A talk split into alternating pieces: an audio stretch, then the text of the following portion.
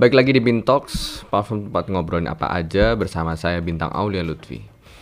Eh, gimana kabarnya semua? Semoga sehat selalu. Ya kebijakan PPKM sekarang udah makin ketat dan diperpanjang gitu ya sampai bulan Agustus.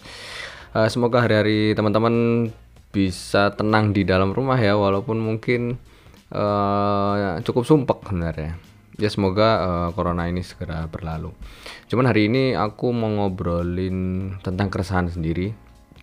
Ya ini tentang hoax sih sebenarnya. Sudah banyak korban yang memakan hoax gitu loh.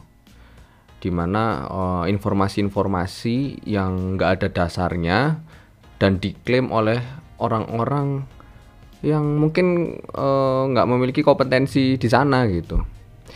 Dan masyarakat kita itu nggak semuanya punya daya tangkap atau daya filter yang sama gitu. Ini harus gimana? Apakah kita harus memperjuangkan freedom of speech yang katanya orang-orang semua bebas untuk berekspresi dan bersuara, tapi eh, ada orang-orang yang masuk tercemplung di jurang hoax itu gitu. Ya ini harusnya seperti apa? Eh, aku sebenarnya mempertanyakan sih buat teman-teman yang memperjuangkan freedom of speech. Oke, aku masih eh, setuju dengan freedom of speech gitu dan eh, kalau misalkan ada orang yang bersuara ya kalau bisa kita nggak kita halangin. Tapi aku masih mempertanyakan bagaimana jika yang dikatakan itu adalah informasi-informasi yang nggak relevan gitu.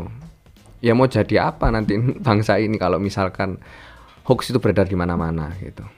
Dan eh, masalahnya adalah informasinya itu cukup sensitif gitu. Apalagi sekarang misalkan tentang covid.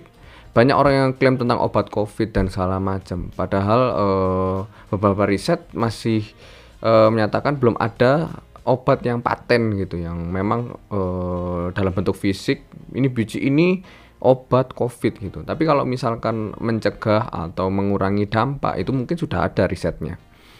Cuman kalau klaim-klaim ini yang memang nggak mendasar kemudian eh, ada teman-teman kita bahkan orang tua kita yang mendapatkan share-sharean dari grup WhatsApp dan segala macem yang aku cukup skeptis sebenarnya cuman ya mau nggak mau kadang perlu eh, memberitahu gitu kepada orang-orang yang memang punya daya filter yang nggak se apa bahasanya ya yang intinya nggak nggak punya daya filter yang kuat lah gitu. Itu perlu dibilangin gitu. Itu pun masih berdebat gitu. Maksudnya karena hoax adanya perpecahan karena informasi yang sangat bias akhirnya eh, pada merasa benar saling nyalah nyalahin gitu. Apa ya Eh, dan itu diramein gitu sama orang-orang. Diviralin. Ya oke mas apa namanya ngasih komentar-komentar yang mencegah biar orang nggak bacain dan segala macam. Tapi gimana pun kalau kita berkomentar terhadap info tersebut ya postingan itu akan ng- ngangkat gitu loh. Ya akhirnya rame dan segala macem.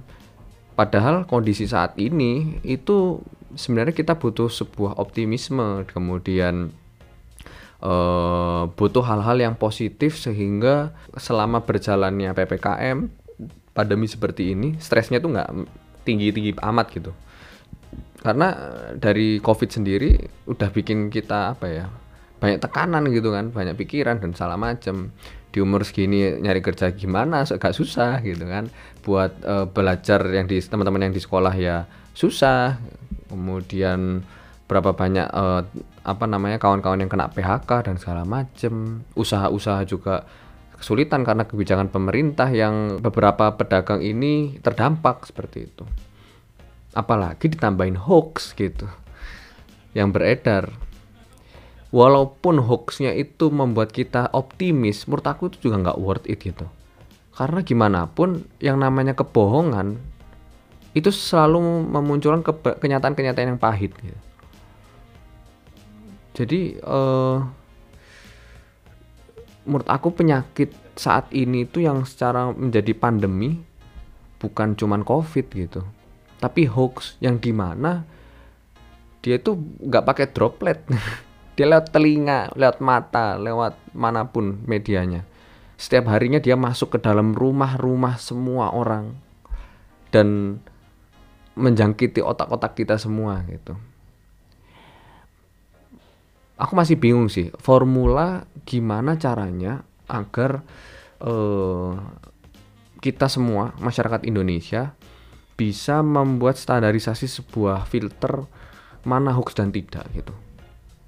Karena memang yang bisa memfilter hoax atau tidak itu rata-rata eh, pertama punya nalar, yang kedua dia punya pola pikir riset eh, sederhana gitu.